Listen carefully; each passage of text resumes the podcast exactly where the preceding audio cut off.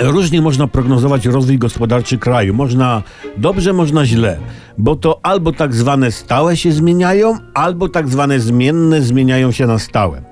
Widać więc, że przewidywanie w sprawach ekonomii, polityki to skomplikowana i niepewna sprawa, dlatego rozsądne narody nie liczą na przypadek i nie pozostawiają prognoz ludziom, lecz zatrudniają do prognozowania zwierzęta.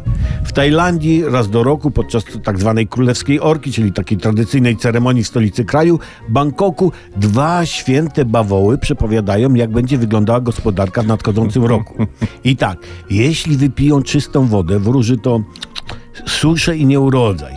Jeśli natomiast wypiją wodę z dodatkiem alkoholu, o, znamionuje to urodzaj. No, bawoły to nie osły i zwykle piją wodę z alko, nie? No, z dodatkiem alkoholu. Trochę podrasowana jest ta prognoza, ale już wspomniałem, że rozsądne narody nie pozostawiają nic przypadkowi. Również w Polsce mm, e, o odpowiedzi na podstawowe pytania gospodarczo-polityczne poproszono wybrane zwierzęta.